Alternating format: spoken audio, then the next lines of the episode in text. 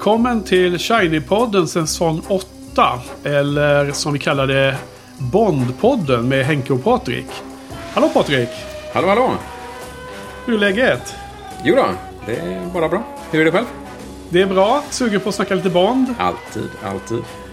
Idag ska vi prata om Goldfinger från 1964 då. Som är den tredje filmen. Eh, Men innan dess så måste jag eh, följa upp här lite vad vi avslutade med förra avsnittet då. När du berättade att eh, eh, From Russia With Love-boken avslutas med en liten cliffhanger. Så, Ja, så det. innebär det att Goldfinger inleds med att Bond är typ döende eller? Eh, nej, så är det ju inte. Goldfinger är ju eh, inte boken som är efter eh, From Russia With Love. Okej. Utan eh, det var faktiskt en bok emellan där. Så de är inte så långt ifrån, men det är en bok emellan. Eh, det som händer i slutet på From Russia With Love, som jag nämnde, eh, att han, Bond, blir träffad av den här kniven gömd i skon av Rosa Klebb. Ja. I filmen blir han ju inte träffad, men i boken blir han ju träffad och han blir förgiftad och faller ner på hotellgolvet där då. Och där slutar From Russia With Love då. Och ehm, nästa bok, då har ehm, Bond... Hur är det då? Vi får se om du kan lista ut det. Okej. Ehm, han har legat tre månader i sjukhus. Och nu äntligen börjar han liksom kunna komma ut från sjukhuset då. Fortfarande... Just det, för, för, för Patrik, du, du nämnde någon annan gång att i boken är inte giftet så här dödligt på 12 sekunder. Utan det, är- det är bara, man kan dö eller man, man kan överleva. Ja, uppenbarligen då. Ehm, Ja. Jag tror det har tagits från um, det var blås, den här blåsfisken eller någonting japanska. Men eh, upp, uppenbarligen så dödar han inte då. Men han, han ligger svårt sjuk, tre månader på sjukhus, kommer ut rätt otränad och, och, och så då. Eh, han får ingen sympati överhuvudtaget från M. Utan M tycker bara att eh, han gjorde ett misstag, han får skylla sig själv. Han är Ja. antagligen me- mest bara irriterad att en av hans agenter inte inte finns tillgänglig. Då. Eh, så ingen sympati där överhuvudtaget. Ehm, men M går ändå med på läkarens rekommendation och läkaren tycker liksom, ja men skicka han på något enkelt uppdrag liksom. Eh, han, som, han behöver vila upp sig mer liksom. Och då visar det sig att M har, eh, två, två av hans agenter i Jamaica har precis försvunnit. Och eh, det, det verkar som att de har för, försvunnit tillsammans då, en man och kvinna, de har stuckit iväg. Eh, så han känner M det, att ja, men vi skickar han till Jamaica. Liksom. Det blir lite, ett enkelt uppdrag i solen, han får eh, egentligen bara verifiera att de har stuckit tillsammans. Jaha, okej. Ehm, ja, men då är det ju ganska enkelt. Det har vi faktiskt redan poddat om ju. Det måste vara Dr. No, alltså Ja. Jamaica. Precis. Jaha, det ser man. Eh, Och, eh, och det kan jag också säga, det pratade vi om i den podden, att, att eh, när Bond hade den här slutuppgörelsen med Rosa Klebb så fastnar hans baretta i byxlinningen. Och det är då anledningen till att M säger att nej, nu får det vara slut på baretta, nu ska du ha ett riktigt vapen, här får han våt. ja, ja, alltså förs- första scenen med M i Dr. No är ju att han ska byta pistol till en Walter PPK va? Precis. Aha, så då, då är det förklarat där. För annars är det bara en sån här snygg liten detalj som man liksom... Det är ett världs... Alltså i filmvärlden, om man inte läser böckerna, så är det bara en liten del av världsbygget. Som man bara köper liksom. Att okej, det finns en historik här som man... Sådana saker gillar jag annars i filmerna. Men det är klart det är ännu roligare att det finns en liten detalj i boken på det sättet. Ja, i boken innan. Ja, det, det är snyggt. Okej, vad kul. För annars så skulle man kunna tänka sig att även uppdraget Goldfinger inleds ju med att liksom utforska eh, guldsmuggling. Vilket liksom känns, om man jämför med senare Bondfilmer där det alltid är liksom världsomspännande hot mot eh, hela jorden liksom. Ja, nej, så Så det. känns det som att det här uppdraget också, i alla fall inledningsvis då, inte skulle kunna anses som kanske det mest avancerade. Om man säger så. Nej, precis. Fast Goldfinger, de hade väl inte fått nys på Goldfinger på, Precis, men jag, jag bara... Jag Ja, bara nej, men du har helt rätt. Men i, Ja. i böckerna så är ju inte det så mycket världsomspännande saker som händer. Liksom, utan det är saker med brittiska intressen liksom, som ska Ah, okej. skyddas. Ja. Men du, hur... eh, Vi har, vi, har, vi har ju redan förstått egentligen, du har redan berättat eller- om det, att filmerna kommer i, annorlunda ordning än böckerna. Så hur kom det sig att man hamnade i Goldfinger då som tredje film? Ja, ehm, tanken var faktiskt att de skulle spela in eh, i Hennes Majestäts Hemliga Tjänst. On, on Emergency Secret Service då. Den, hade, den boken hade precis kommit ut eh, samma år som förberedelserna till den här tredje filmen skulle börja. Och den Ja. boken blev en succé. Uh, men i Hennes Majestäts Hemliga Tjänst har de skidscener i uh, Schweiz. Mm. Och det passade liksom inte in i tidsschemat helt enkelt. De hann inte planera för detta. För liksom, de var inte klara inför vintern och sånt? Nej, precis. De, jag tror att eh, inspelningarna skulle börja... På den här filmen började de i mitten av januari. Ah, okay. Och eh, då hann de väl inte... Och sen... Eh, det kommer komma till också. Då, mitten av januari började de. Sen i september var det väl så hade de premiär då. Så det är ju väldigt kort då. Ja, det, det är något här... vi kommer återkomma till kan jag säga. Men... Um, så helt enkelt, de hann inte spela in skitscenerna. Och då... Då, då tog de Goldfinger. Och eh, det passade rätt bra in för deras tanke här nu. De har liksom erövrat England och delvis Europa. Och nu siktar de på den amerikanska marknaden på riktigt. Och, okay. och Goldfinger är liksom en av de tre böcker som, som utspelar sig delvis i USA. Så det passade väldigt bra. Okay. Vi har eh, Leva, Lotta, Dö och vi har Diamantfeber, eller är det de? Precis. Precis ja, okay. Bra. Ja, bra. En annan har ju gjort sitt Bond-projekt på blogg, bloggen. Så jag, jag, är inte helt rookie på detta, även om nej, jag nej, långt ifrån har lika mycket insight som du Patrik. Det är uppenbart. Ja, nej, men det är helt rätt. Det är någonting för ja. böckerna. Okej, okay, eh, så då valde man Goldfilm. Och det är, det är lustigt det här med en film per år. För det är ju ett hysteriskt eh, arbetstempo jämfört med dagens eh, stor, storfilmer. Liksom, som kommer vara liksom nummer ett för um, box office så är oftast lite längre. Ja. Uh, jag, jag, såg någon sån här jättekort intervju med Sean Connery från uh, behind the scenes. Liksom, där han blir intervjuad av någon BBC eller något liknande. Och då frågar de lite så här hur hans uh, nyvunna uh, vad heter det, att han var så berömd nu då. Efter de två första filmerna. Mm, hur, han, mm. hur det togs emot när han var ute liksom, som privatperson. Mm. Men då kommenterade han det att liksom, jag, jag är aldrig, aldrig privat. För det är bara jobb hela tiden. ja, det. Eh, det är liksom så fort ena filmen är, är slut och de har gjort lite reklam för den så börjar nästa liksom. Och, ja, precis. Och jag åker hemifrån halv sju på morgonen och kommer hem klockan sju på kvällen.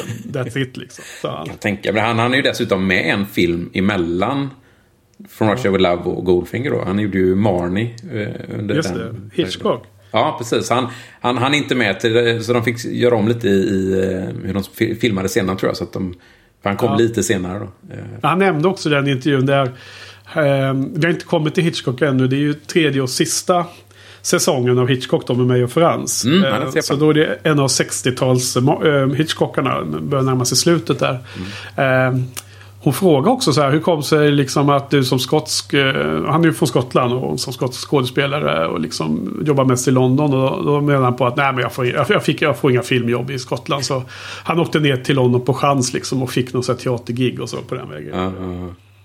Ja, okej, okay, så de valde Goldfinger. De, ja, precis. precis. Eh, och mer om behind the scenes och production. Alltså det är också en ny regissör som jag måste säga att jag...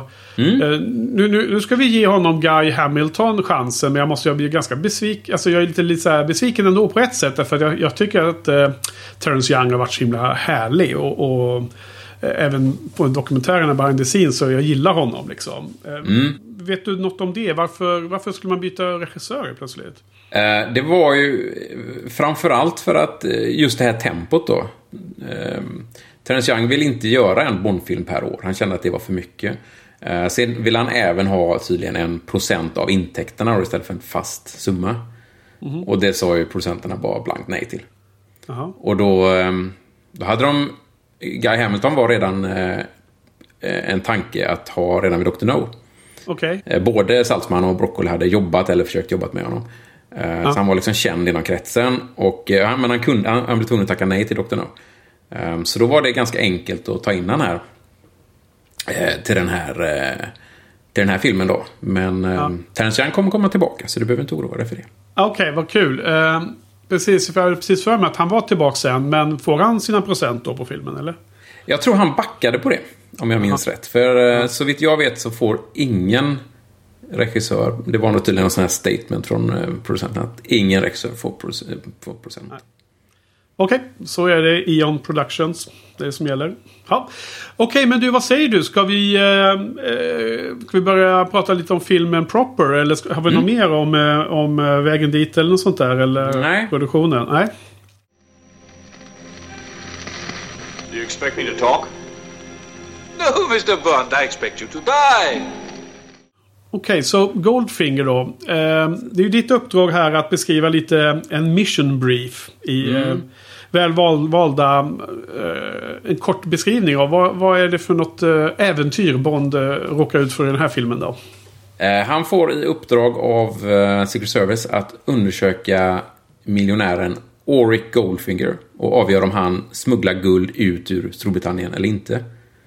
Ehm, och under det här uppdraget så upptäcker han även att Goldfinger inte bara smugglar guld utan han även planerar att bryta sig in i Fort Knox i USA.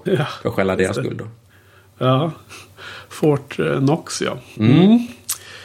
Just det. Nej, som sagt, det är inte de här eh, hot mot hela världen eh, eh, problem än så länge i serien. Nej, precis. Eh, som sagt, bokserien har ju inte det överhuvudtaget egentligen. Eh, men filmserien blir ju det mer och mer. Och eh, kommer säkert komma fram till senare att den här filmen börjar ju... Där bör, börjar Bond-formulan sätta sig och, och så blir det bara större och större. Ja, det finns någon slags Bond-formula. Tycker du att den börjar sätta sig i den här filmen? Alltså, Ja, det tycker jag definitivt. Ehm, ehm, allt från bilar och, och gadgets och, och eh, han är lite larger than life. Börjar han komma med här. Eh, lite tongue in cheek som han inte riktigt varit innan. Um, du har den här bantern med Q. Att han, Q tycker att han inte uppskattar hans gadgets så, lika mycket som borde. Och, Ja. Eh, Du har, ja, du har... eh, Ja, här, här börjar det sätta sig. Det tycker jag. Ja, eh, det här är ju en film från 1964. Och det är ju en era som är lite annorlunda än nutiden. Om man säger så på, på, på vissa sätt. Och det, Vi har ju en scen mellan Bond och eh, Pussy Galore som är eh, lite störande. Liksom. Jag tänkte vi kanske skulle nämna den i alla fall. Ja, men det... Vi måste, Eller vi har, vi har måste- sagt det. Vi har, I produktionsmötet innan sa vi att vi måste ändå mm, be, bemöta det på något sätt. Vad, vad har vi på detta egentligen? Ja, men precis. Alltså det finns ju en scen i den här filmen som egentligen är... Den är inte bra. Det är, det, det är riktigt dåligt. Bond våldför sig uppenbarligen på henne. på Pussy Galore, ja. Ehm, för de som inte minns scenen. Uh, Pussy, han, han försöker charma henne. Hon säger egentligen att nej, men din charm funkar inte på mig. Eh, för hon är ju lesbisk då. Ehm, och ehm, de börjar brottas i höhalmen. Ehm, och det slutar med egentligen med att han lägger sig på henne och tvingar fram en kyss. Det, ser, det ser riktigt illa ut kan jag säga. Speciellt nu då, s- 60-70 år senare. Ja. Ehm, och sen, och det är ju det, är det första problemet om man säger så. Det andra problemet är ju då att den här kyssen får ju då Pussy Galore att känna att ja men det här var ju nice. Eh, och, det, och sen gå med på, på resten då. Eh, och det är ju det är liksom andra problemet. Jag tror att det var ganska tydligt eh, på 50-60-talet. Eh, att eh, ja, men om man var homosexuell så har man bara inte träffat en, riktiga, en riktig man eller en riktig kvinna då.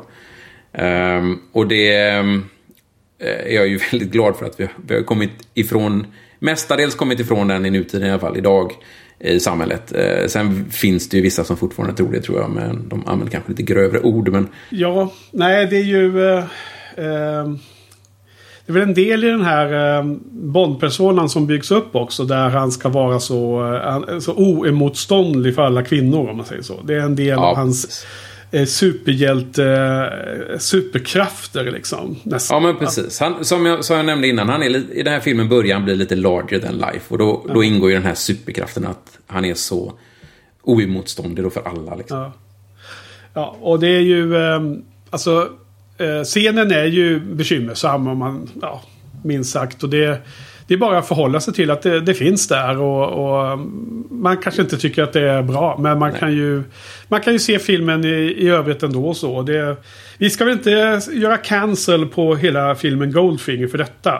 Tycker jag. Nej, och, och Ja, jag det, tror... det, det, det finns där. Det är inget Ja. bra men det finns annat i filmen också. Ja, men precis. Och jag tror att om man jämför det med filmer som kom samtidigt så var det liknande saker där. Och Ja. Eh, Jag kan nämna i boken och bara jämföra med boken. Så Ja, för jag är första problem... ny, Ja. Jag måste säga jag är väldigt nyfiken. att eh, för Jag skulle ställa den frågan. Mm. Och min fråga, min, min eh, formulering av frågan är ju att är det här beskrivet på... Eh, är det samma typ av problematisk beskrivning i boken eller är det någonting som filmskaparna har adderat i, i, för någon form av effekt? Eh, första, som jag nämnde, det finns ju, det är ju två problem. Liksom. Det första problemet att han brottar ner henne, det finns inte med i boken. Eh, däremot är andra problemet att hon känner sig så charmad av Bond att han, hon känner att ja, men en, en, jag kan nog ta en kille också. Hon blir, som, Hon blir på den bisex- tiden så såg man nästan som att hon blev botad. Liksom. Ja, men precis. Sen vet jag inte om hon blev bisexuell eller om hon verkligen blev heterosexuell. Det, det nämns inte liksom. Men, Nej. men, eh, och det är ju hon då som liksom tar initiativet då att känna att... För han var liksom, men, men jag trodde inte du var intresserad av... Jo, men jag har inte träffat en riktig man innan nu. Så här, det, är ju, det är ju verkligen skämskudde på det. Men, men, men eh, så första delen finns inte med i boken. Eller i, i filmen då. Det är nästan frågan vilken av, det, vilken av sidorna av det här som är värst egentligen. Om det är, om det är att eh, eh, tvinga sig på och kyss, börja kyssas. Eller om det är att hon eh, ty, typ blir omvandlad av det. Ja, Liksom, vilken av delarna som är värst egentligen. Ja, jag vet inte. Det är två olika sidor på det. Eh, ja. Vad, het, vad heter det eh, i intervju med eh, hon som spelar på Sugalo. Hon heter ju Honor Blackman. Eller något sånt där. Honor Blackman, ja precis. Honor, ja. Då så... um, Hon säger ju... Hon pratar ganska mycket om Sean Connery om att han är otroligt sexig. Så att det är ju liksom inte, inte för att förklara scenen i filmen nu. Det vill jag ju tillägga. Det är, det är ju inte för att förklara bort den. Men det är en lustig annan behind the scenes där. Att eh, han verkar ha varit magnetisk eh, även i real life liksom. Eh, Ja, han, han, han är ju superläcker på, på, på bild och eh, sin, sin energi och sin... eh, Ja, men hans hållning och hans eh, liksom, attityd, aura liksom. Eh, och att det konfirmeras via olika kvinnliga skådespelare är ju li- lite kul att höra. Eller ja, intressant att höra om man säger. Ja, nej men det stämmer. Han var ju en av världens sexigaste... Eller den här rollen gjorde han ju i princip till en av världens sexigaste skådespelare. Ja. Ja, han- han är så himla läcker. Han är så läcker så att man, man, man, skulle, man känner nästan att man skulle kunna bli botad och bli bisexuell bara för hans skull. Eller hur? Ja, nästan. Eh, Nej, men han, eh, mm, han, han har ju den här magnetiska sexuella... Eh, ja, absolut. Energin. Ja, Ja. precis. Energin. Okej. Eh, men då går vi in lite på filmen här Patrik. Och då börjar vi ju med en... Eh, vi nämnde ju det i en tidigare podd lite här om att prologen då före titles är det ju ibland någonting som sätter upp kanske en, eh, en, en villain eller en, eh, ett problem. Typ i eh, Älskade spion. Men i den här filmen så är det den här andra varianten som är liksom en helt standalone grej. Som inte har något med filmen att göra alls ju. Precis. Precis. Eh, För här, här verkar det vara som att han är typ i Mexiko ungefär och gör Mm. ett, ett sabotage mot, som jag tror är knarksyndikat av något slag. Ja, helt rätt. Och, eh, eh, och sen så får man bara se den liksom. Eh, men det är ju den här, för mig, eh, klassiska in- ingredienser i detta är ju dels när han simmar i dykutrustningen och har den här lilla fågeln på huvudet liksom. Fiskmåsarna, ja precis. Fiskmås eller and eller vad fan det är liksom. Ja. Eh, och sen det andra är efter att han, han springer omkring i sin svarta grodmansdräkt då som är någon slags glansigt material. Och sen när han är klar med, med våldet där då så har han liksom, tar han av sig så har han en vit smoking som är helt, klart. helt eh, skrynkelfri under. Ja. Det är ja, helt men det, underbart. Det är precis här det här tongue in cheek och, och larger than life som kommer in. Då. Mm. Eh, det, det, det roliga är att det, boken är precis... Den är inte precis sån, sådär, men eh, i boken så har de också en, en eh, föruppdrag. Så av, han avslutar, han, han har precis avslutat ett uppdrag. Boken börjar med att han egentligen sitter i Miamis flygplats och, och dricker whisky. Liksom. Och han tänker tillbaka till det uppdraget han precis avslutade. Då. Och det var ju då just att han sprängde en, en knarkliga i, i Mexiko. Okej. Eh, inte på det sättet som, som visas i filmen, men eh, det är ändå liksom precis... Det, det är också en sån för, för uppdrag, så att säga. säga. Ja, och eh, i den här podden får vi ju nitpicka, eller hur? Det betyder ju inte att vi inte gillar filmerna, utan det är bara för att vi vill Abs- diskutera det, fin- alla I den här finns mycket att nitpicka då, dock, den här filmen. Finns andra Ja. filmer. Och det jag, det jag nitpickar på den här inledningsscenen är att hela det här området med de här stora eh, olje... Eh, konst, eh, vad heter det? Cisternerna eller vad det nu är. Mm. Eh, och så är det liksom en liten eh, murad... Eh, eller vad heter det? En mur. Och sen på andra sidan så är det som en mexikansk by med en liten taverna. Det, så, det ser så olika ut. Det, det, det, ser ut som att det är liksom... Det ser verkligen ut som att det är två olika... Det är filmat på två olika ställen, kanske? Ja. Ja, såklart. Och det ser ut så också. jag håller med dig. Eh, det, det är liksom, den där lilla byn och den tavernan är inte bara precis på andra sidan en mur från de här som ser ut som att det är ett jättestort oljeraffinaderi som de är Nej, på. precis, precis. Jag kan inte ens uttala ord här, men du förstår vad jag menar. Oh, ja. Men vilket fall som helst, eh, när han kommer tillbaka in där så är det ju också en actionscen som är ganska frejdig. Det är en ganska bra ös i den. Mm. Ja. Menar, först så charmar han upp någon, eh, någon tjej där, någon brutta. Mm. Känner, inte- känner du igen henne? Nej, ska man inte? Nej, det var eh, Karen Bays eh, kvinna i uh, From Russia With Love. Samma skådis. Ali Karimbe, alltså en av dem... Hon som, Eller ja, eh, hon, hon- som kallar hon tillbaka som- honom i sängen. Och så. Ja, precis. När han ska sitta och jobba där. Han måste ta Ja, en paus. precis. Jaha, vad, vad, Nadja vad trevligt. Jean, tror jag hon. Ja, Okej. Jag vet inte ens om hon är namngiven i den här filmen. Men jag känner inte igen henne. Jag tänkte inte på det. nej, nej. Eh, men det är den här eh, snygga lilla detaljen att eh, när han står och najsar med henne där. Eh, så kommer det en, en, en mördare, eller en assassin in och då ser han speglingen i hennes öga. Mm, Ja, det är snyggt alltså. Får jag, får jag förstöra den eh, scenen lite grann för dig? För jag, jag läste någon intervju med just henne. Hon, Ja. det, och det var så jobbigt för att kameran var så nära hennes öga. Ja. Och så fick de ju in klappan då emellan. Man skulle behöva klappa då. Och varje gång klappan, ja precis, varje gång måste jag ha den här klappan då. Och varje gång de klappade så, så sprutade liksom lite damm rätt i ögat då. Så det, och de fick göra om det massa gånger. Så, ja, detaljer. Ja, okej. Men, men, det, men betyder det, säger du alltså att det här, det här är inte en specialeffekt utan de har verkligen filmat speglingen i hennes öga? Det vet jag faktiskt inte. Men däremot så filmar de ju nära hennes öga oavsett. Ja, ja det gör de oavsett. Ja, precis. Ja, det vore ju häftigt om det faktiskt går att se det i, i, eh, om med rätt vinkel och så med den vätska som finns på, på, på linsen. de, Liksom. de har ju faktiskt lite visual effects i den här filmen eh, som nog var lite nytt. Men det Ja. är senare då. När lasern är senare då. Den, den är ju visuell. Ja, just det. Det, det vet jag. Ehm, nej, men det som är nästa steg i den scenen är ju att när uh, Assassin kommer och ska klubba ner Bond med något, eh, någon sak. Då vrider han sig om och eh, använder hennes, eh, hennes kropp, eller närmare bestämt hennes huvud, som skydd. Alltså Mm. som att skydda sig. Vilket är liksom inne i eh, den här agentpersonan. Det här, I de här tidiga filmerna är han ju jäkligt hård. Alltså det är ju, han har ju inte dragit sig för att både slå ner och misshandla och i det här fallet eh, missbruka kvinnor. men så är det liksom. Uppdraget var egen- först. Upp, Ja. hon, hon, hon är ju också med i skurk. Hon, alltså hon är ju också skurk. Alltså hon, hon lurade ju, eller hon är ju på skurkarnas sida här. Ja. Det, är min tolkning i alla fall. Och för han, Ja, men det, det tolkar jag också det. För det är en dialog innan han går in till henne där. Han ska avsluta någonting. han. Ja, precis. Ehm, Så uppdraget går alltid först. Det är därför som man är stenhård mot alla egentligen. Speciellt i de här första filmerna. Ja, och sen då efter detta så eh, är det en fight med den eh, Assassin som till slut han ramlar ner i badkaret och eh, eh, det blir en sån elektrifiering. Eh, som händer ganska många gånger känns det som. Inte minst i den här filmen. För det är ju första av två elektrifieringar. För det är ju en spegling av vad som händer med Oddjob i slutet. Ja, just det. Precis. Ja, eh, där då, och i båda dessa elektrifieringsscener, jag ska faktiskt komma med lite behind the scenes trivia här som, oklar- som jag inte vet om du känner till eller inte. För vi har inte pratat om det här någon gång i, i för, förmötet. Men alltså i båda de fallen så blev ju de skådespelare som spelar man, eh, eh, de onda i de här fallen blir ju skadade i båda de scenerna. Blir brända. Ja. Aj då. Båda blir brända. I, I den här scenen så för det första så var det ju någon eh, skådis som inte kunde vara med av någon anledning. Så att det är någon, det är någon random liksom, eh, produktionssnubbe som får göra den där scenen. För han, du, du ser mest ut som en mexikanare så du får vara här liksom.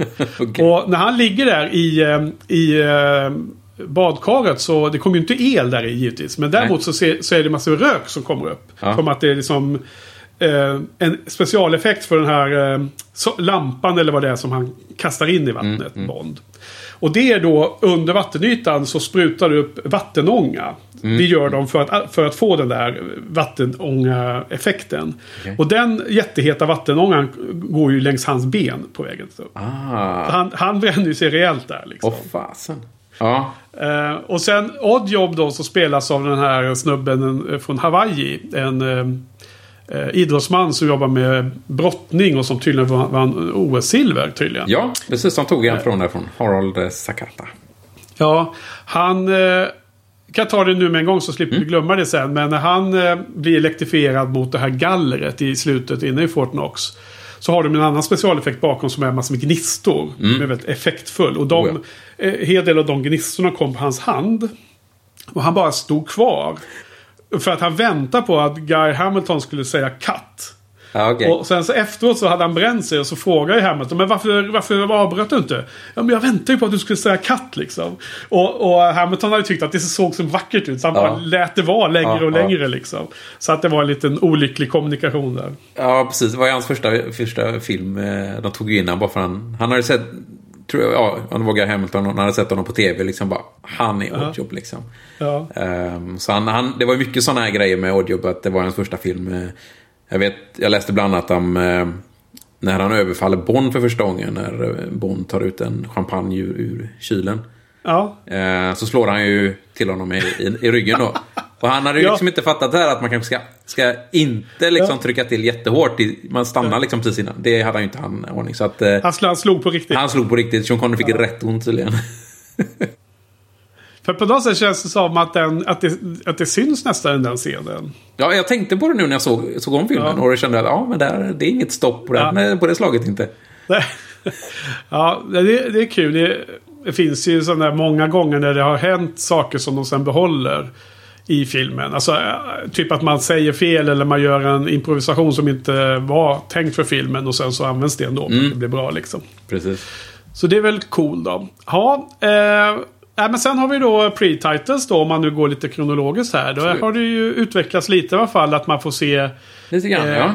liksom scener från denna, lustigt nog, men även tidigare Bondfilmer som är projicerade mot eh, liksom... Guldfärgad kvinna.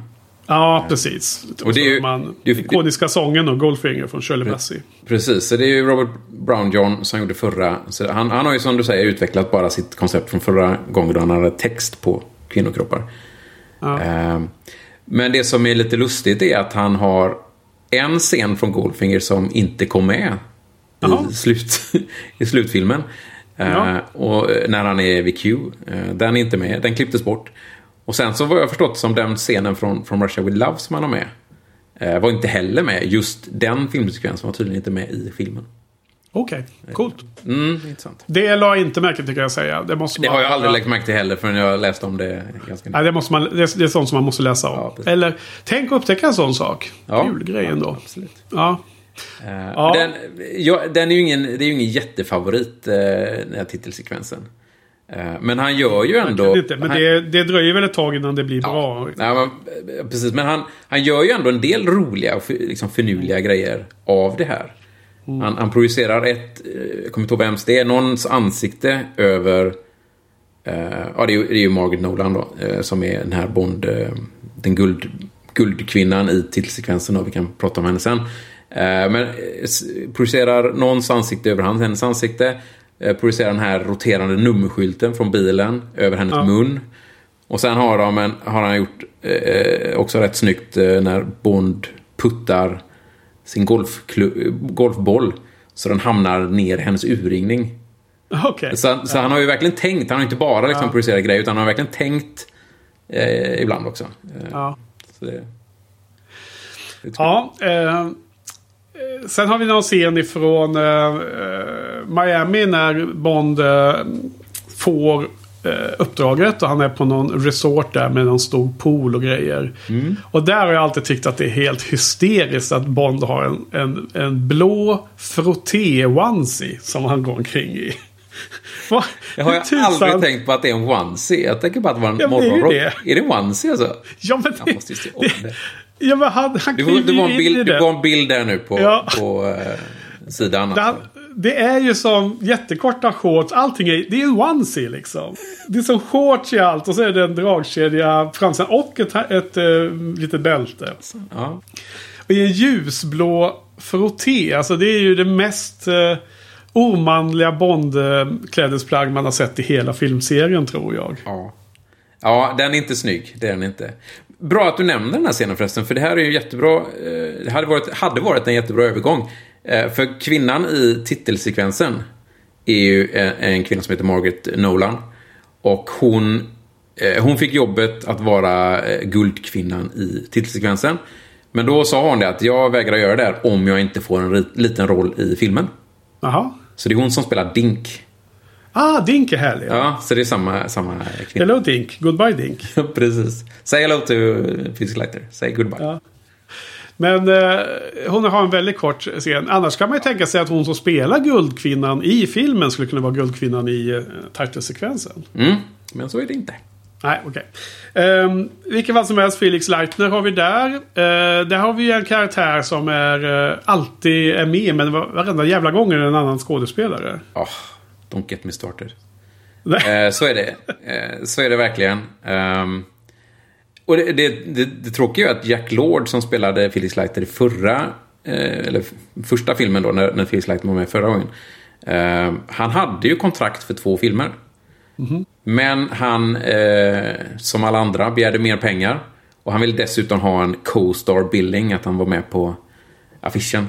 Jaha. Och då bytte producenten ut honom. Vi får prata mer om det om, um, vad heter det, George Lazenby. Jag har någon känsla av att någon liknande story runt det där va? Eh, nej, inte riktigt. Men eh, vi kan återkomma till Felix Leiter någon gång i någon senare podd. För att eh, Ja, det, det finns eh, varför de, hela det här utbytet och allting. Det, mm. Ja. ja, det har varit en sak som alltid irriterat mig. ja. M är samma och, och Miss Moneypenny är samma och Q är samma. Men Felix Leiter, han är bandman, men inte samma. Han byts ut hela tiden. Det är ett av livets mysterier som man får leva med. Ja, måste man leva med det. Det är så Ja, sen då i den här Miami-scenen är ju annars till för förstås att introducera Goldfinger, Goldfinger och Oric Goldfinger. Låt oss komma till honom alldeles strax för att vi, vi får ju också träffa en av systrarna Masterson eller Masterson eller vad nu kan heta. Eller Ma- Masterton som de hette i boken. Av någon anledning så bytte de från T till S i, filmen. Okej. Jag har ingen. Kanske, kanske en typo. Ja. Ja, men här är det i alla fall Tilly va? Som är den första vi träffar. Hon som blir eh, målad i guld och eh, avlider av... Eh, Jill, Jill är, är den första. är Jill den första? Jill Master, Masterton eller Master. Ah, okej. Blanda ihop i huvudet där. Men okej. Hon spel, Jill spelas av uh, Shirley Eaton. Mm. Det nu kan vara. Eh, det här sättet att döda henne är tydligen ett, ett riktigt problem. Eh, Mm. det, det är alltså att eh, huden, skin su- suffocation eller vad man kallar det. Att man måste ha en liten del av huden, på, alltså av, liten del på kroppen öppen liksom. För, Precis. det kan man tydligen dö av på riktigt. Det, det, det var en nyhet för mig. Eh, Ja, både i boken och i, i filmen så pratar de just att ballettflickor har råkat ut för det. Då. ja. Det lär ju inte gå lika fort som i filmen dock. Eh, Nej. vad jag förstår det som. I boken så, så händer ju detta också. Fast, eh, vad ska man kalla det? Off, off book, off pages. Eh, Bond får bara reda på det sen senare av hennes syster då. Eh, och eh, hon, hon... Det tog någon vecka för henne att dö. Hon dog på sjukhus liksom. Så att, eh, Men här, här gör de givetvis on scene för att det är ju en jättevisuell... Det ser ju Ja. riktigt snyggt ut. Liksom. Det här, det här, den, den här guldkvinnan eh, är ju en, en, skulle jag tänka mig, en stor anledning till att, att eh, Goldfinger fick så väldigt mycket publicitet. Det är ju klockren Precis. bild. Eh, Liksom. exakt, men det är ju en... Kanske den mest ihåg... eh, Lätt ihågkomna scenen eller bilden eller så här från Ja, filmen från skulle jag typ säga. Alla, alla filmer nästan. Eh, Det finns Ja. inte många bilder som är så ikoniska skulle jag säga. Ja. Ehm, hela filmen som sådan är, anses ju som vara otroligt eh, up där. Liksom. En av de bästa tror jag fortfarande. Rent, om jag gissar vad eh, liksom det allmä, all, vad man allmänt tänker om Bond-filmerna. Eh, vilket jag har en del problem med. Jag, jag är mer kluven till den här filmen faktiskt. Eh, så som ikonisk Bond det kommer det alltid vara väldigt högt upp eh, om man jämför med alla filmer som finns. Men inom filmserien så är det ju långt ifrån någon favorit för mig. Ja, men det stämmer. Men filmen kanske inte är så bra, men det är just att den är så lätt ihågkommen. Därför så... Det, jag tror det är därför folk ja, kommer ihåg den och, och kanske tror att den, att den är bättre än vad den är eller någonting sånt. För att det är just den här bilden med, med guldkvinnan och de ska liksom göra bankrån i forten också. Så här, det eh, minnesvärt. Och Ja. Det gör att den, den det, Pratar man om Bond så är det väldigt snabbt många som tänker på ju- just kvinnan som blir målad av Ja. guld. Och, och ehm, Tror du att det hade, hade något med saken att göra att den utspelar sig mer i USA? Att den var mer, att den har blivit mer hyllad av det skälet? Nej, det tror jag inte. Men däremot så, så tror jag att det gjorde en hel del för att få upp eh, uppmärksamheten i USA. Mm. Eh, det, det, tror jag. Ja. Uh, ja, nej men så att jag är som sagt, uh, jag gillar filmen men jag... Om jag sammanfattar uh, så här, vad jag kommer ihåg och tänker på filmen efter att sett om den nu då häromdagen. Då har jag fler saker som jag tycker är problematiskt än saker som jag älskar med den. Faktiskt. Mm, nej, det kan nog stämma. Um, är, är, du enig eller? Jag är, jag är nog ganska enig. Det, finns en, det märks att det är i vissa scener en, ett uh, rush-jobb. Liksom, att de, de, har inte haft tid på sig. Och det finns, ja. det finns även i manuset finns det en del helt obegripliga saker. Um, eller inte helt obegripliga, men, men det är mm, mycket frågetecken. Ja, jag har ju eh, jag har några specifika problem med det. Men vi, vi ska komma till det. Jag måste bara mm. först höra vad du tycker om eh, The Main Villain och eh, även då hans eh, henchman. Då pratar mm. vi om Auric Goldfinger och eh, hans koreanska betjänt med den farliga hatten. Oddjob. Oddjob, ja. Som, som i den svenska boköversättningen översättes till fredag. Fredag? Nej, det är jättehemskt. Var, var, varför vill de göra koppling till Robinson Crusoe då? Jag vet inte, jag vet inte. Ja, det är udda. Hade icke vit? Ja, jag vet inte. Jag vet, det är jättekonstigt. Det är jättekonstigt. På tal om icke så är ju då han som spelar Goldfinger icke engelskspråkig. Nej, precis. Han, han, blev tydligen bättre och bättre. Men han blev dubbad till slut ändå. Ja. Um, ja, men så vad tycker du om något? Jag tycker de är jättebra. Jag tycker de är jättebra. Jag tycker uh, Gert Fröber då, som, som spelar Goldfinger, uh, han gör ett bra jobb. Mm. Um, och sen har du Oddjob då, uh, Harold Sakata. Och han är ju helt klart en av de mest ikoniska Bondskurkarna. Och med sin, speciellt med sin hatt då. Ja. Uh, den kombinationen. Och, och, det är också det här Bondformel att liksom du har en, en, en, det finns några få Bond eller några, några få henchmens som man kommer ihåg. Och Oddjob mm. är ju en av dem. Ja, två, tre. Ja. Det... Eh, eh, skulle han kunna vara nummer två efter Jaws, säger du? Ja, det är väl, eh, ja, det är väl där. Det är väl precis det jag säger. Ja, skulle kunna vara.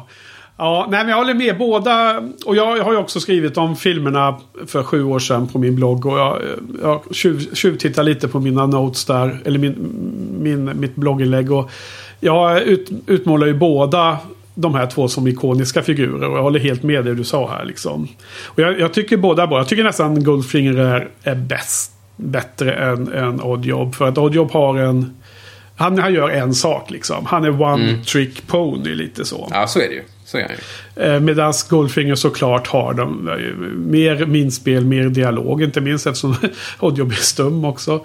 Ja. Men, ja, men det är ju de här eh, ikoniska det här citatet om inte annat. Då, you expect me to talk, no I expect you to die, Mr Bond och allt det här va. Eh, så jag gillar honom väldigt mycket. Eh, det finns ju många bra Bondskurkar i Bondvärlden. Men det här är ju en av dem som man lättast kommer ihåg. Så är det ju. Helt klart. Tycker jag. Eh, så de har ju mycket av de här ingredienserna. Även om kanske hela filmen, filmen som helhet kanske inte blir super lyckad. Alltså den är ju inte på den är antagligen inte på höger, ö, övre halvan så att säga. Men däremot Nej. har den just alla de här ingredienserna. Och det som vi pratat hittills, och vi kommer prata om en par till, eh, hans bil framförallt. Och de har ingredienserna. Får inte ihop det riktigt men har verkligen... Precis, det, det kanske inte blir det bra resultatet men den, den sätter formulan som ska mm. efterlevas sedan väldigt lång tid. Verkligen, verkligen. Uh, men in till lite nitpicking då så tycker jag till exempel så att jag undrar om Oddjob kan bestämma via kasta eh, sin hatt i några olika vinklar eller någonting. Det låter helt orimligt alltså. Men när han kastar exempel så och visar hur farligt det är så kastar han mot en stenstaty som då skär av huvudet på stenstatyn. Jag vet vad du kommer komma till. Senare så kastar han mot hon eh, Tilly Masterson. Ja. Och då, då blir hon knockad bara. Eller hon blir dödad för övrigt. Hon blir ja, dödad men... men, men, det är som man ser inte att det är liksom ens ett, ett, ett lite blodsnitt eller någonting. Nej, det är ju det är ett misstag. Det är ett misstag. Ja, så det måste de ha gjort. Eh, men då, jag tror det är lik, in... likadant ja. i, i, i filmen faktiskt. Att han, I boken? Eller i boken, ja precis. Hon, hon, får, hon får bara liksom ett slag och, och dör då. Ja. Knäcker nacken. Så. Det är lite konstigt. Men då är vi inne på de här två scenerna som jag tycker är... Kan, vi kan ta upp dem nu för att mm. det passar bra nu. Den här scenen när eh, Tilly och Bond har ju hittat varandra via den här bil... Eh, bilscenen i Schweiz och sen där uppe i skogen när de ö, båda övervakar eh, Goldfingers eh, Villains Lair där då. Mm. Och eh, sen är de jagade av alla dessa kineserna. Eh, och, så, och sen så slutar med att Oddjob dödar Jill, eller Tilly. Eh, jag tycker hela den scenen har jättekonstig tonalitet faktiskt Patrik. Eh, på samma sätt som den här scenen med Pussy Galore är ju problematisk minst sagt. Men också att den tonaliteten blir liksom jarring för, för mig att se idag. Av lite olika skäl. Men... Vilken av delarna av det du pratar om? Ja, men det är, båda scenerna är eh, konstig tonalitet. Det här, vi har redan pratat om den med Pussy Galore. I, ah, ja, men, men jag menar... I, med... I den här scenen så är det att... Filmen har den där glimten i ögat även om det blir lite allvar när hon blir mördad med guldfärgen. Eh, vad heter hon nu då? Jag blandar ihop namnen hela tiden. Jill. Det var Jill. Men här, här dödas ju Tilly och det blir så konstig feeling i den scenen att till och med Sean Connery skulle jag vilja säga. För att det, det är inte ens James Bond-personan.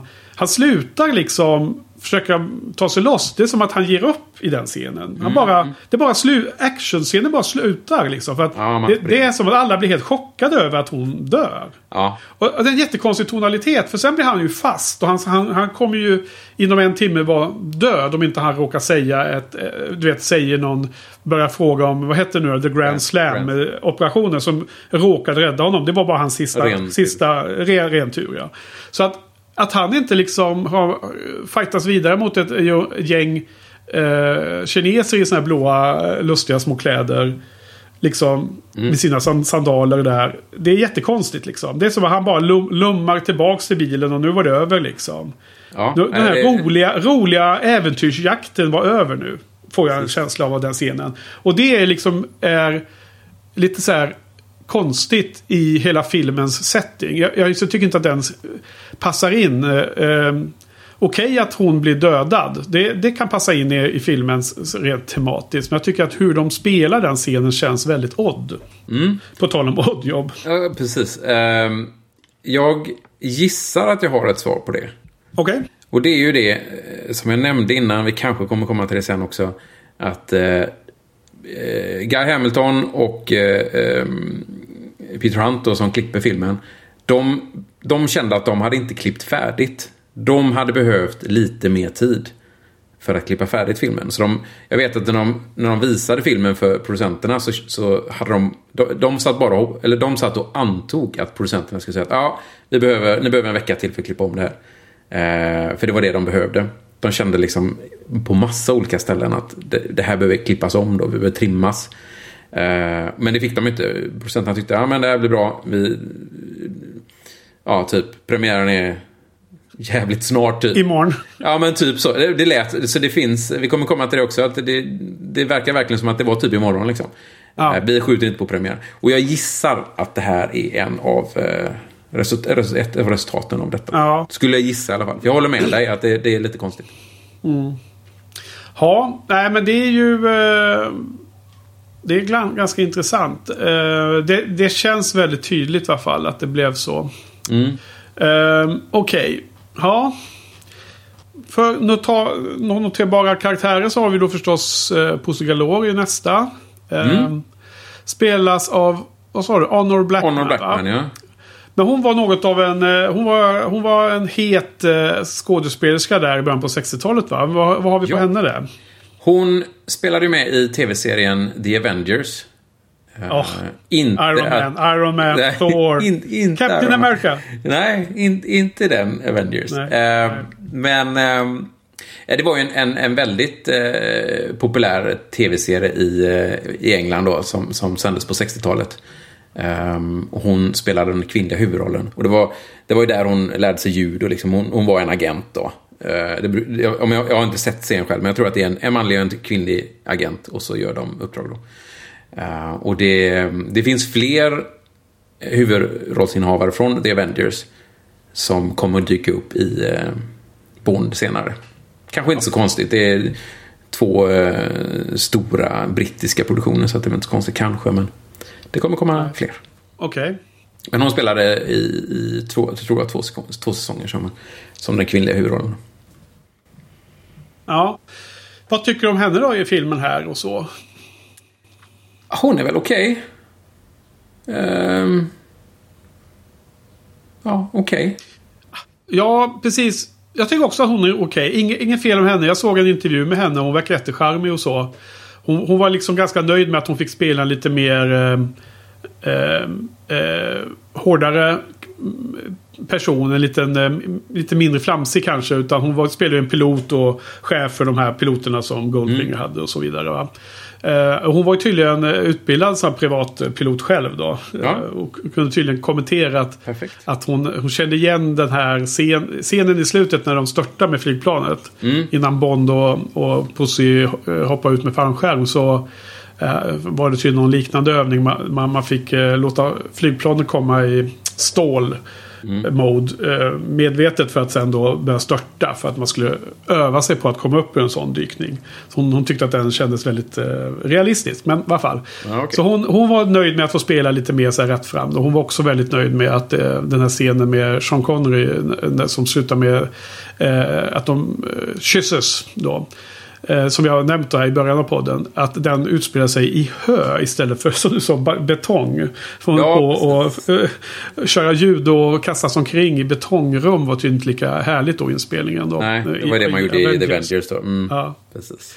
Så att, eh, ja, jo, så att hon är charmig tyckte jag som skådespelerska. Men jag tyckte att jag, jag liksom, eh, tycker inte att Pussy Galore är eh, top of the line om man säger så. Hon är okej, okay, men det betyder ju i den här världen att det ganska, finns ganska många eh, andra som man gillar mer tror jag. Av, av de så, så kallade Bondbrudarna då, då. Ja, men precis. precis. Eh, och, och, värt, att not, värt att notera är att hon är faktiskt äldre än Sean Connery då. Okej. Okay. Eh, det kan ju vara, det brukar vara mycket mycket snack om det då. Men här är hon ju ett antal år äldre än Chocon. Just det. De, de upp, jag upplever dem som ungefär likvärdiga ålder. Mm. Men, det, men det kanske inte var någon stor skillnad. Eller, Nej, jag, jag vet inte. Men det är några år där tror jag. Inte så många. Ja. Men jag, jag tycker egentligen att systrarna Masterson hade man gärna sett mer av. Mm. Eh, och jag... Eh, jag tycker nästan att den här liksom dynamiken med Bond och... Vad heter, vilken är det nu då? Är det Jill eller Tilly? Den första eller sista? Den andra man får träffa. Tilly. Tilly. Ja. Tilly ja när, när, hon ska, hon ska ta hämnd liksom. Och det, det får mig, du vet, ur dödlig synvinkel, dynamiken där va. Mm. När Bond åker liksom, i den filmens stora Bondbrud, nummer ett liksom. Yeah. Hon är ute på jakt efter hämnd för sina Precis. föräldrars eh, död, mord. Uh, och jag, jag, gillar den dynamiken liksom och den, uh, att det är något annat än att, uh, att det ska bara bli en one-liner och, och sen en påsättning liksom inne mm. på någon, i någon bastu eller, bastu eller någon sound, vad heter det, spavdelning eller sånt där som det ofta är. Precis. hon, hon är ju ganska oskärmad av Bond överhuvudtaget här. Det är ju liksom... Ja, han får ju noll och intet från henne när det gäller ja. den biten. Det finns ju en anledning till det. Och det är att hon, hon är ju lesbisk. Hon också? Ja. Eh, I boken så... Hon överlever lite längre i boken. Hon, hon kommer ju faktiskt med hela vägen till USA med Bond. Ja. Eh, och hon blir väldigt charmad av Pussy Galore kan jag säga. Okej. Okay, ja. hon, hon, hon har ju noll intresse av Bond men väldigt stort intresse av Pussy Galore. Alltså det hade ju varit jättespännande mm. utveckling i filmen. Ja, verkligen. Ja, det är inte har med det. Så en sån sidogrej där inte det är Bond som är bara den enda som liksom charmar och uh, går, går till sängs med uh, damerna. Uh, det, det, det, låter som att det finns delar i den boken som absolut skulle vara intressant. Jag måste läsa de här böckerna Patrik. Det, jag skäms hela tiden nu att jag inte har Men just nu ja, men det är väl kul om det här kan få dig att börja läsa faktiskt. Ja, jag är mitt inne i min reread av The Wheel of Time. Det kommer jag hålla på ett tag till. Och jag, jag vill inte bryta det, det, det flowet liksom. Nej, det, vill... andra böcker. Uh, vilket fall som är så, så hade jag gärna sett mer där. Och, men i det här fallet så var ju hon kanske lite mer amatörmässig. Medan i Udödlig synvinkel så fick jag en känsla av att hon var lite mer kom, kompetent. Skulle jag säga. Hon som var mm. i den filmen. Uh, när det gäller att, att ta hem det menar jag. Ja, precis. Jag förstår. Ja. Eh, så, så var det med de bitarna. Eh, ja, intressant helt klart. Eh, du nämnde också bilen där. Den, har ju, den hade ju någon stor del av eh, promotions av den här filmen har jag förstått. Eh, den här Aston Martin DB5. Eh, jag menar, som idag så kan man använda eh, saker för att eh, göra reklam för saker i film. Men här var det tvärtom. Man gjorde reklam för filmen med den här saken. Ja, just det. Eh, och den åkte tydligen runt på någon sån här världsturné. Kors och tvärs hela världen under typ två år. Efter filmen. Och, Den, det är ju den fortfarande. Ibland så dyker den upp. Världens mest kända bil brukar den benämnas. Ja. World's most famous car. Men alltså det måste fråga vad du vet om den trivian. Innan vi ska gå in på detaljerna om alla gadgets. Så, jag såg en liten featurette nämligen. På den här bilen som jag kan rekommendera. Den var väldigt kul. Den var 10-12 minuter. Det finns på Blu-ray i alla fall. Jag vet inte vilka versioner av DVD och sånt det kan tänkas vara med på. Men eh, eh, då nämnde de att den, den bilen som användes i filmen var borta. Var stulen från någon gång på 90-talet. Den har alltså sålts några gånger för jättehöga priser. Och den hade nu... Jag tror den, den här dokumentären var inspelad runt 2000. Och då nämnde de att 1996 stals den av dess ägare i Florida. Och man visste inte vad... Bilarna hade inte kommit till rätta ännu. Nej, jag, tror Eh. den, jag, tror, jag tror den finns för att jag tror den såldes för några år sedan. Okej, den kanske men, ja, det, det, borde ju 20 finnas till fler, det borde finnas flera varianter av den också kan man Ja, tycka. alltså det fanns ju fler kopior som användes i promotion och sånt. Men det finns tydligen en som var den som var med i filmen. Om man Jo, så. precis. Och, och då hade de en riktig bil som eh, filmproduktionsbolaget byggde om. Trots att Aston Martin-folket sa att det går inte att få in alla de här sakerna. Men det gick ju. Och det finns ju då massor med bra funktioner som man får se i filmen. Och så finns det ju massor med bra funktioner som inte kom med i filmen. Stämmer. Och sen är det Eh. några som dyker upp senare filmer. Eh, Den här, den här, den här bilen kommer ju dyka upp i, i flera filmer. ja. Eh, Så är det ju. Men, men det man ser här är ju dels har vi den här eh, nummerplåten som eh, snurrar runt som du nämnde. Det var ju Guy, Guy, Guy Hamilton som Han var hittade på det. irriterad över sina eh, pa- parkeringsböter då. Så han tyckte det kunde vara en bra funktion. Precis. Så hade de ju kulsprutor framåt. De hade skjutit ut olja bakåt. Mm. De har det här eh, skottsäkra eh, plåten bakåt. Eh, den har eh, något sånt här vast som åker ut i navet på hjulen. Ja. Så han kan eh, skapa punktering för Tillys bil. Ja, och hon, hon anmärker bara på att hon fick punktering där och hela hennes sida är totalt uppkarvad liksom. Ja, det ser Det, jättekonstigt ja, ut. ja. Eh, och sen eh, såklart då den här röda knappen i växelspaken. Så att eh, passageraren i passagerarsätet flyger ut i stol. Den är den är ganska kul ändå. Ja, den, Eller? Den, den är kul. Den är, känns väldigt... Eh, eh, in, inte jätteverkligt, men, men ja, det är jättekul. Det- det är också en sån här ikonisk grej. Kul, kul för att man, man liksom tyckte att den var rolig när man var ung. Ja, men den är ju liksom- ikonisk. Det är ju den alla kommer ihåg. Liksom. Det är, precis, det är ju exakt det här som är det ikoniska. Det är precis som i, i familjer. Man har sådana här stories där från när barnen var unga och små. Och de gjorde olika saker. Så har det här återberättats gång efter gång. Och det har blivit bättre och bättre stories här liksom. Precis. Och nu vet man kommer inte ens ihåg vad som hände egentligen. Man kommer bara ihåg återberättandet av den händelsen genom Ja. alla åren. Ja. Och det är på det sättet som vissa sådana här scener i den här gamla Bondfilmer som man såg när man var liten. Man kan inte ens bedöma om det här egentligen är kul. Utan man kan bara bedöma att det har alltid varit eh, den mentala känslan att det där är en jättekul sak. Liksom. Mm, mm, mm. Precis. Eh, skulle man se det nu i en film då skulle man ju så tycka kanske att ja, men det här är lite så här eh, eh, den nakna pistolen-humor nästan.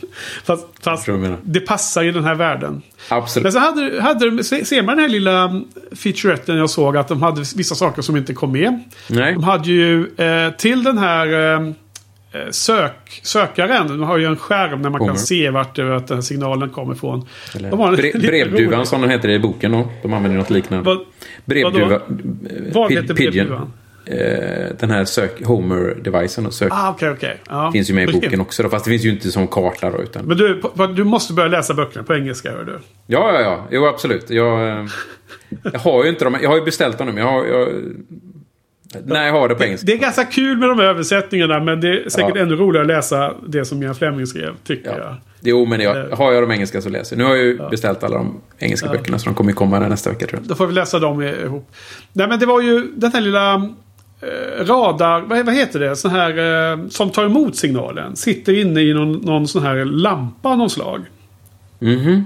Så att det finns en sån eh, plotformad lampa på framsidan. Och då bakom glaset sitter en liten sån eh, radar helt enkelt. Ja, okej. En, Som en då- radantenn. Ja. Antennen, precis. Där har vi rätt ord. Det var kul. Sen har han ju en eh, telefon i dörren. I, Ja. eh, Den är ju högerstyrd. Precis som hans förra bil hade. Ja, precis. Som man såg i början på förra filmen. Så eh, högerstyrd där är den. Och sen då under eh, sätet så har han en bricka han kan dra ut. Den har pistol och grejer. Mm, mm, mm. Som då, allt det här var ju inbyggt och gjort Ja, färdigt. Ja, det fanns ytterligare några små grejer. Jag. Rötfångaren har du inte nämnt. eh, Ja, just det. Jag kunde skjuta fram dem va? För, för att Ja. bli som en batting ram av något slag. Precis, precis. Och det var ju Ken Adam tydligen som hade kommit på den då. För att hans bil på den tiden hade ingen stötformare. Så att han fick plåtskador hela tiden av andra bilar. så då tyckte han, då ska vi ha den här. Alltså det finns ju en liten stötfångare som är så här par, parallellt med, med, med fronten. Men här så trycks det Den fram trycks två fram grejer. Ja, jag vet inte. Men, men liksom, vad är den till för? Förstod man det eller? Det är väl som någon slags ram. Äh, äh, Bananslag. Jag vet inte, den används ju inte så. Ja. Ja, eh, ja, men den är ju jättekul och så, såklart. Och ikonisk. eh, I, i, bok, i, boken så är det ju en, I boken så är det en DB3 då. Men boken gjordes väl eh, ett antal år innan då. Men, eh, fortfarande ja. smart. Det här bilen måste ju vara fått hjälp av filmen något helt otroligt. Ja, det måste de ju. Eh, De måste väl ha insett det sen att eh, oj, det här var ju en bra grej att vara med i en Ja. Bondfilm. Liksom. Eh, Ja. Aston Martin är ju med i ett antal filmer framöver. Och, Ja. och, och just, just eftersom DB, DB5 är ju så ikoniskt så, så såg de ju till att använda att när både när Pierce Brosnan och Danny Craig gör sin första film, det vill säga Goldeneye och, och Casino Royale, så kör han ju en DB5. Just för att liksom återkoppla att ja, det är ett annat ansikte, men det är våran gamla kära Bond. Just det. Eh, undrar om den produceras fortfarande? Vet du något om det eller? Det tror jag inte. Men jag, jag vet inte, jag är ingen bilmänniska så.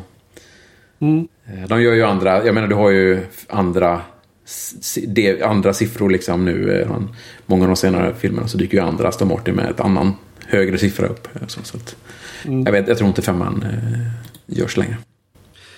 Ja.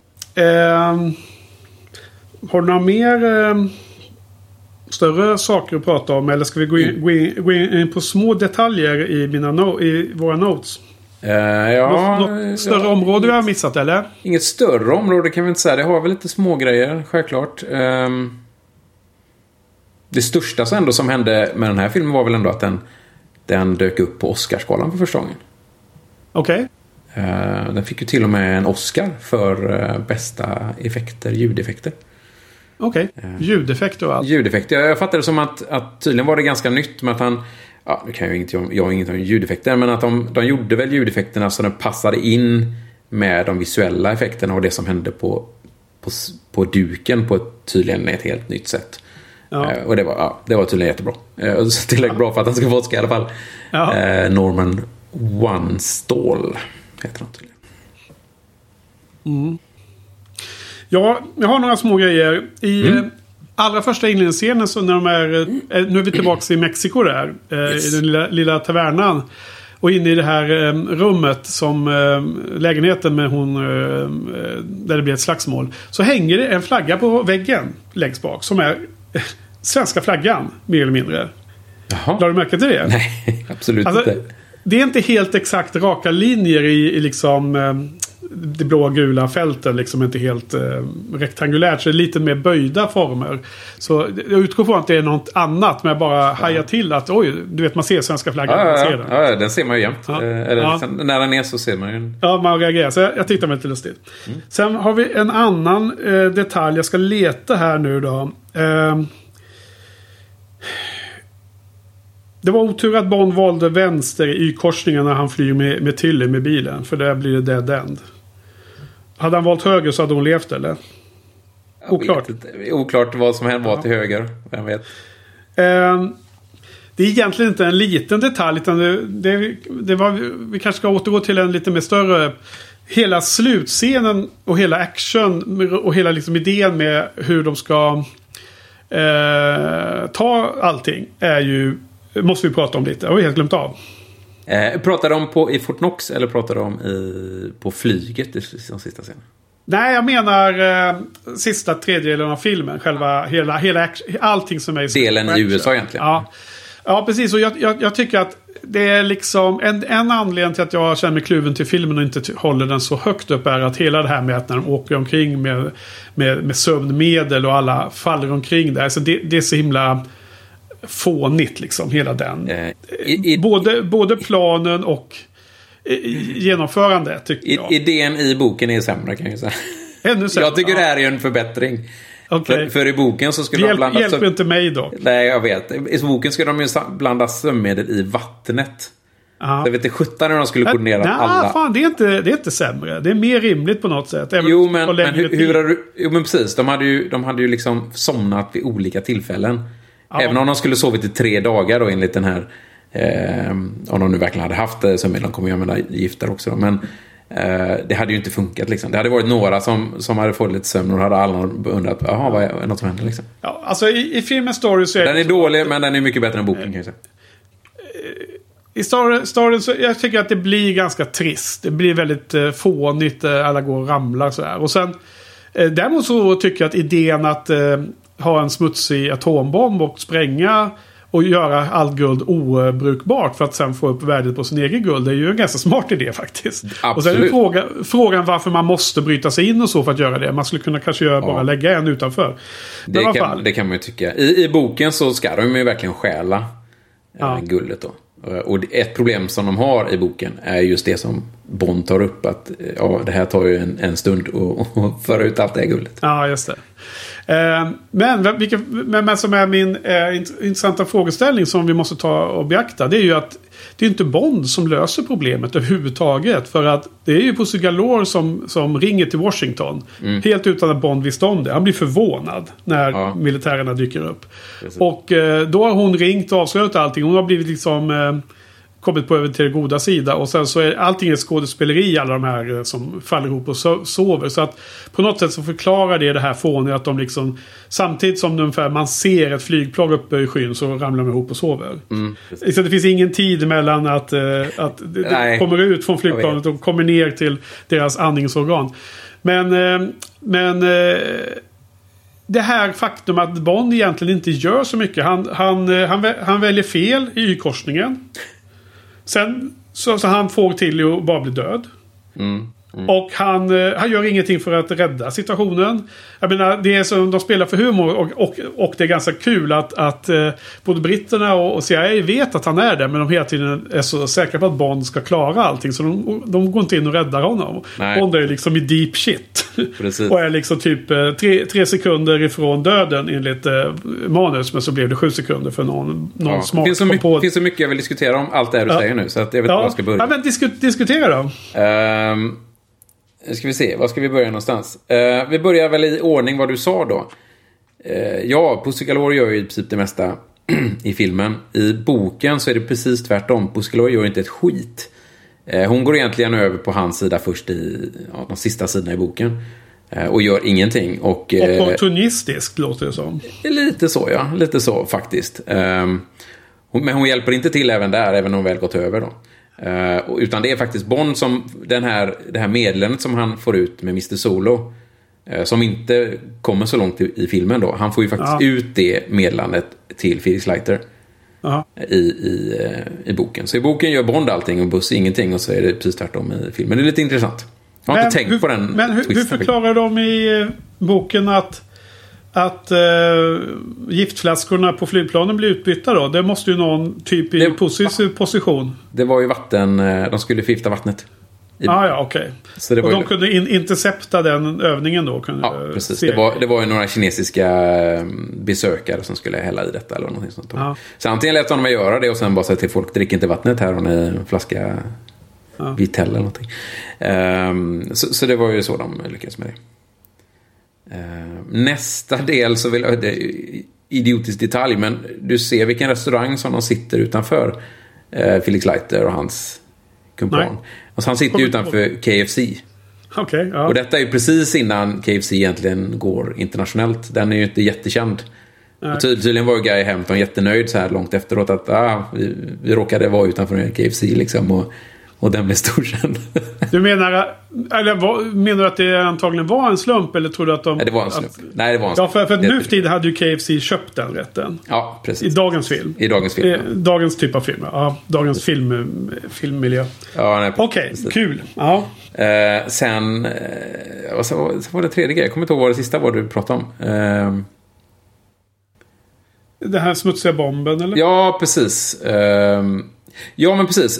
I, I boken så, som jag sa, då, då var ju tanken att de skulle verkligen frakta ut allting. Och, och här kommer vi till en av de dåliga sakerna jag tycker i filmen då. Vi kan, vi kan bara börja med den. Ja. Och det är att, att Goldfinger bjuder ju in alla de här maffiabossarna. Ja. Förklarar planen och sen dödar han dem. Ja. Så en anledning i filmen att han förklarar planen är ju att Bond ska få höra den. Just det. För att, för att vi alla ska få höra den. Ja, precis. Vi ska få alla andra dör ju liksom. Och det var ju totalt meningslöst att skicka iväg Solo. Så han fick dö, bli klämd ihjäl. Eh, för att alla skulle ändå dö. Eh, och, och varför ska, och, och, bara att de klämde ihjäl han in, eller liksom innan de tog ut guldet och liksom ska separera det sen. Ja, det finns så mycket dumheter. Men, ja. men i, i boken i alla fall så, eh, för, för, för, lite skillnad då. Pussy Galore är ju en av eh, maffiabossarna som kommer dit. Mm. Så hon är ju en av maffiabossarna. Hon har ju då den här lesbiska eh, maffialigan då i New York tror jag det är. Eh, så hon är ju en av dem. Eh, och sen så han som han, den maffiabossen som inte vill vara med då, de har ju givetvis en sån då, är dock inte Mr Solo, Mr Solo överlever där. Eh, han dör ju inte av en bilpress. Eh, den här bilpressen är tydligen helt ny när filmen gjordes. Den var typ den första bilpressen som fanns. Eller någonting ja. eh, utan han ramlar ner för trappan och dör. Aha. Han, Gulfing går tillbaka ut, eller till de här maffiabossen och säger att ah, jag är hemskt ledsen att meddela att han, eh, Mr. vad han nu hette, han har ramlat ner för trappan och dött. Och de liksom bara, vad hände med hans livvakt då? Ja, han ramlade också ner för trappan och dog. Ja, ja. Så det är någon som kommenterat, jag hoppas du har lagat den där trappan till vi kommer ut. Ja. Eh, men, men i alla fall, i boken så, så förklarar han ju planen och säger egentligen att vill ni vara med på den här, vill ni få vara med om ni vill. Och då, men då får ni liksom fixa typ 200 lastbilar var. Uh, så, så det är ju därför anledningen som alla de här maffiabossarna där. För att ja. kunna hjälpa honom att frakta bort. Uh, då. Och då finns det, tre... Är, mm. Ja, för i filmen ja, finns... är det ju mer, är ju mer, mer för att uh, Goldfinger ska sno guld för en ja. miljon för, av, per precis, person. Precis, och så var, så var det 10 miljoner. Precis. Så var det ju inte där, utan här skulle de bara hjälpa honom att få ja. ur. Då. Och då fanns det tydligen tre sätt att ta sig därifrån. Då, med lastbil, tåg eller flyg. Ja.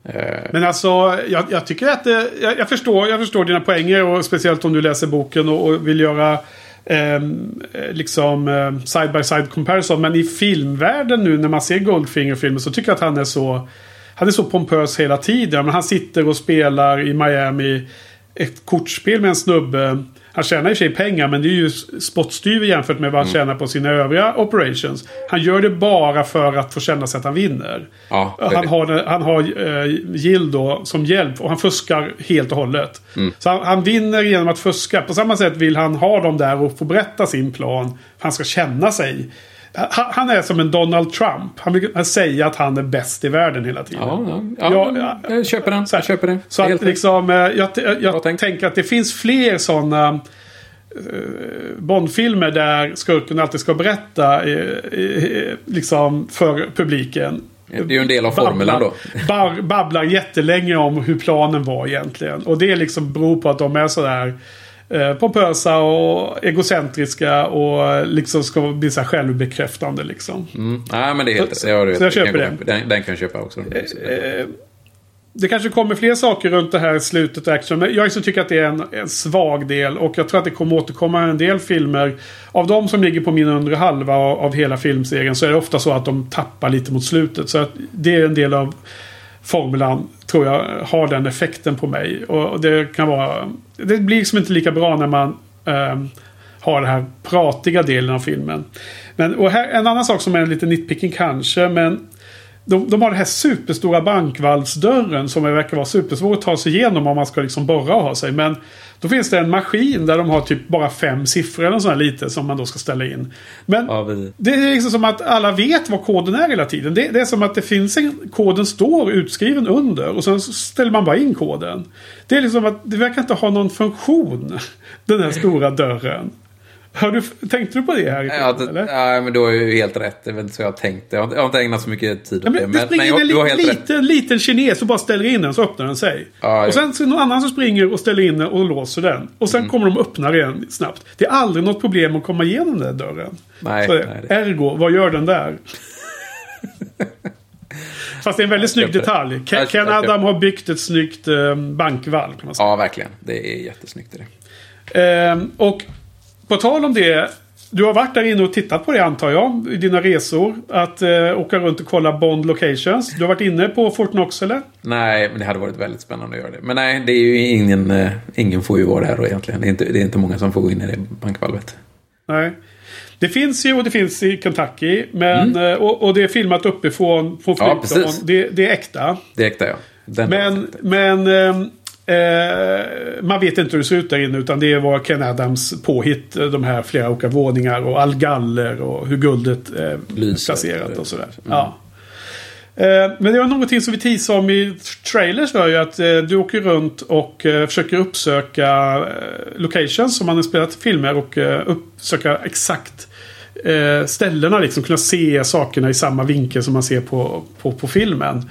Eh, Men du har inte varit på någon av de ställena än så länge i filmerna vi har pratat Nej, om? Eller? det, dröjer tyvärr två filmer till. Men, men eh, nej. Vilken, här, är, vilken är, den första du har varit på? eh, man lever bara två gånger. Då har man varit, jag har varit på en, inte jättemycket, men på en litet, ett litet ställe där jag har varit på. Eh, Men här är det ju det är egentligen Schweiz och sen är det lite, lite bilder från USA i den här filmen. Men sen är det ju mest studios. Ja, det är ju om man skulle kunna åka till så nära man kan komma till eh, Fort Knox då. Någonstans Något finns det någon, eh, någon grind av något slag. Eller något, Antagligen. nå- någon eh, avgränsning. Och så långt skulle man kunna väl tänka sig åka. Var, var på de här vägarna som går utanför där, den här lilla stan. Var det, Ja, fast jag vet inte. Jag tror inte man ser någonting därifrån. Tror du inte det? Är det något att Eh. åka till Kentucky för? Jag vet inte. Nej, jag vet inte heller. Men däremot så skulle man kunna antagligen ganska lätt hitta den vägen i Schweiz med de här serpentinvägarna man kan se. Står där uppe och ser ner. Mm, det här var coolt. Det här var coolt. Eh, Den, den, det måste vara en ganska ikonisk shot att kunna ta den Mm. verkligheten. Det Fast, undrar hur det ser ut nu, eh, 60 år senare.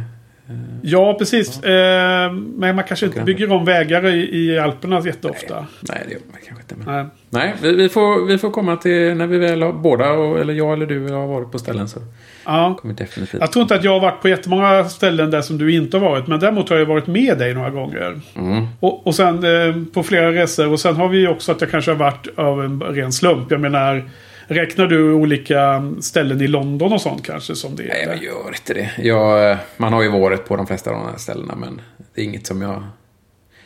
Jag ägnar inte en eller två dagar åt att åka till ett litet ställe i London. eh, Så, men är jag bredvid så kan jag liksom, ja, här var ju det. Liksom. Nej.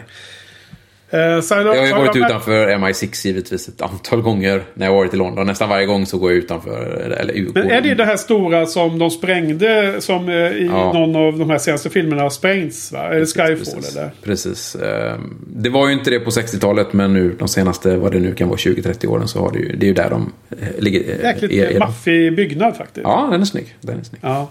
Jag tror inte jag har varit precis utanför där. Jag måste åka dit någon gång Mm. nästa gång.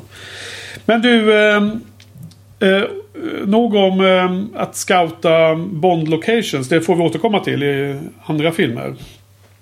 Nu vill jag tänka lite mer på små, eh, små, små notes och detaljer här.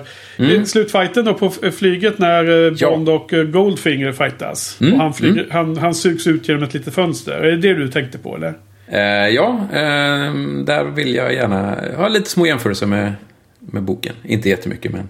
Okej, för jag, jag tänkte att man... Ja, den referensen jag fick i huvudet var ju egentligen slutet på Alien 4 som är lite av samma Ja, precis. karaktär.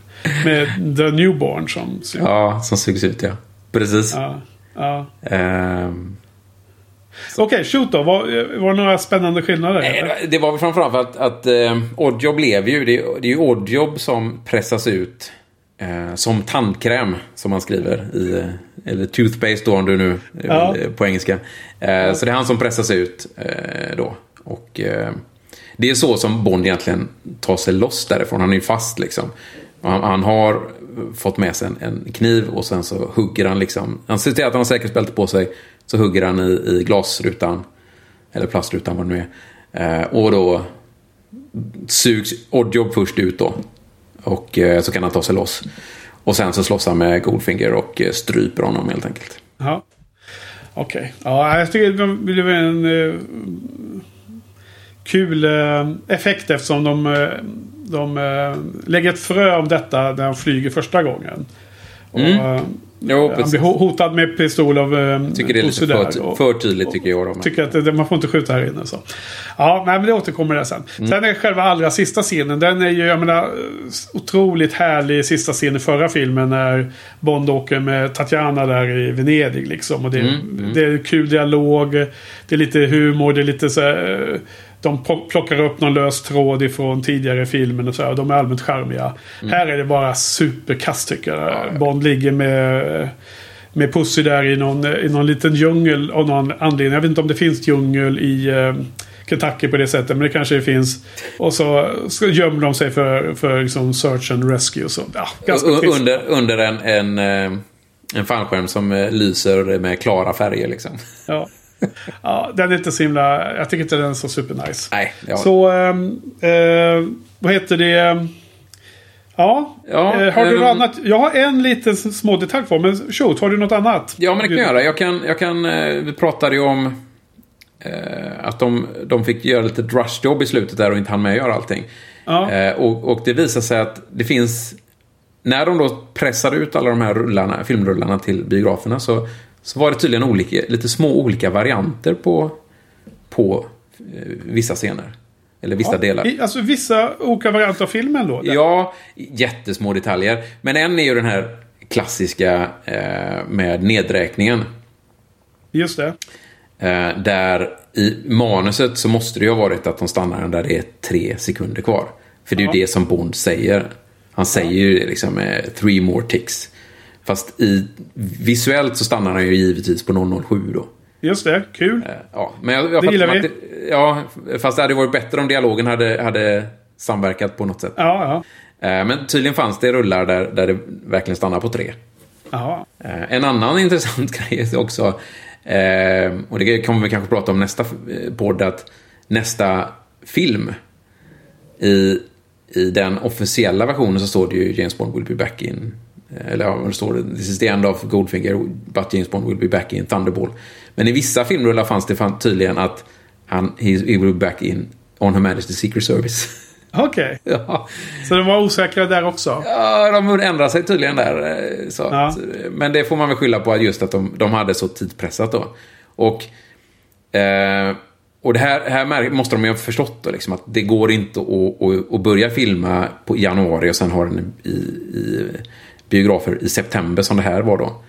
Så, så i nästa, till nästa film så tror jag de har en 15 månader i alla fall. Och sen efter det så kör de varannat år och så de kommer köra ganska långt fram då. Eh, Och det, Mer rimligt då. Ja, precis. För de, de märker att filmerna börjar bli så stora nu eh, så att det, de hinner inte med. Liksom.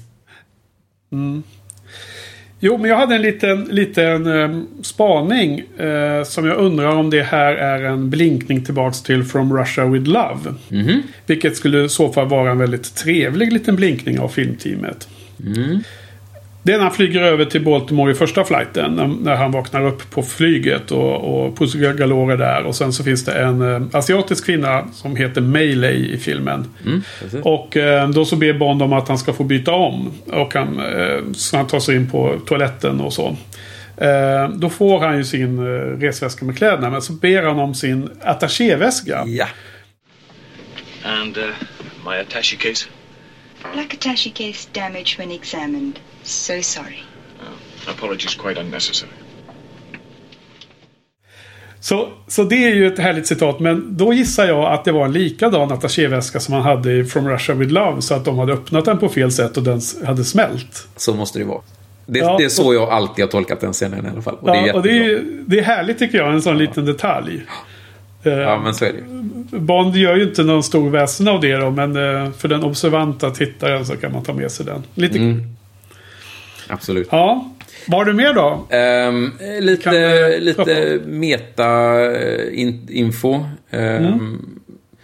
Det finns en man som heter Michael J. Wilson som är svärson till Cappy Broccoli. Han gör en liten roll i den här filmen. Man har Ja. ingen aning om vem han är. Men han är någon soldat eller någonting sånt i, eh, i, vid Fort Knox där.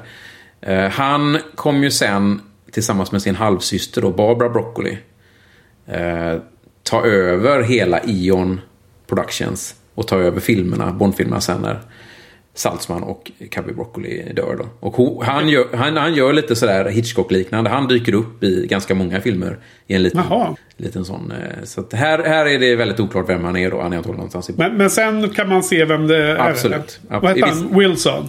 Michael G. Wilson, ja. Precis. Michael Wilson, ja. Mm. Precis. Eh, och sen, sen har vi eh, lite tråkigare då att Ian Fleming dog ju under inspelningen av den här Just det. Trist. Han, eh, ma- man kan ju säga att den här filmen var ju då den som verkligen satte igång hela fenomenet James Bond egentligen. Filmen. Ja. Att, de andra filmerna har gått väldigt bra men det var först i Goldfinger som det verkligen exploderade. Och det är ju väldigt synd då att han inte fick uppleva det. För Han dog precis före för, um, premiären. Premiären då, ja precis, precis. Får man anta. Ja. Ja, det är ju lite synd. Lite så, ja. Mm.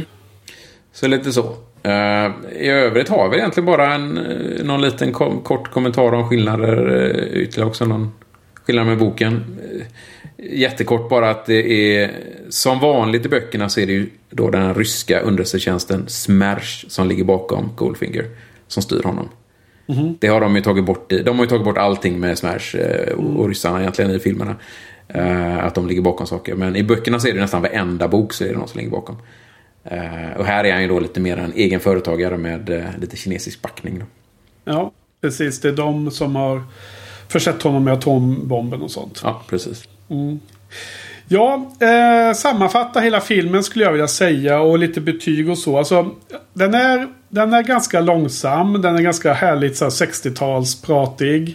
Actioninnehållet är liksom eh, bra balanserat. Det, det är inte oändligt långa tråkiga actionscener utan det är liksom effektiv korta scener. Även om jag inte gillar det här i slutet med, med hela eh, Rocka Baby-grejerna med, Nej, med söva folk och så. Den, den är inte så bra.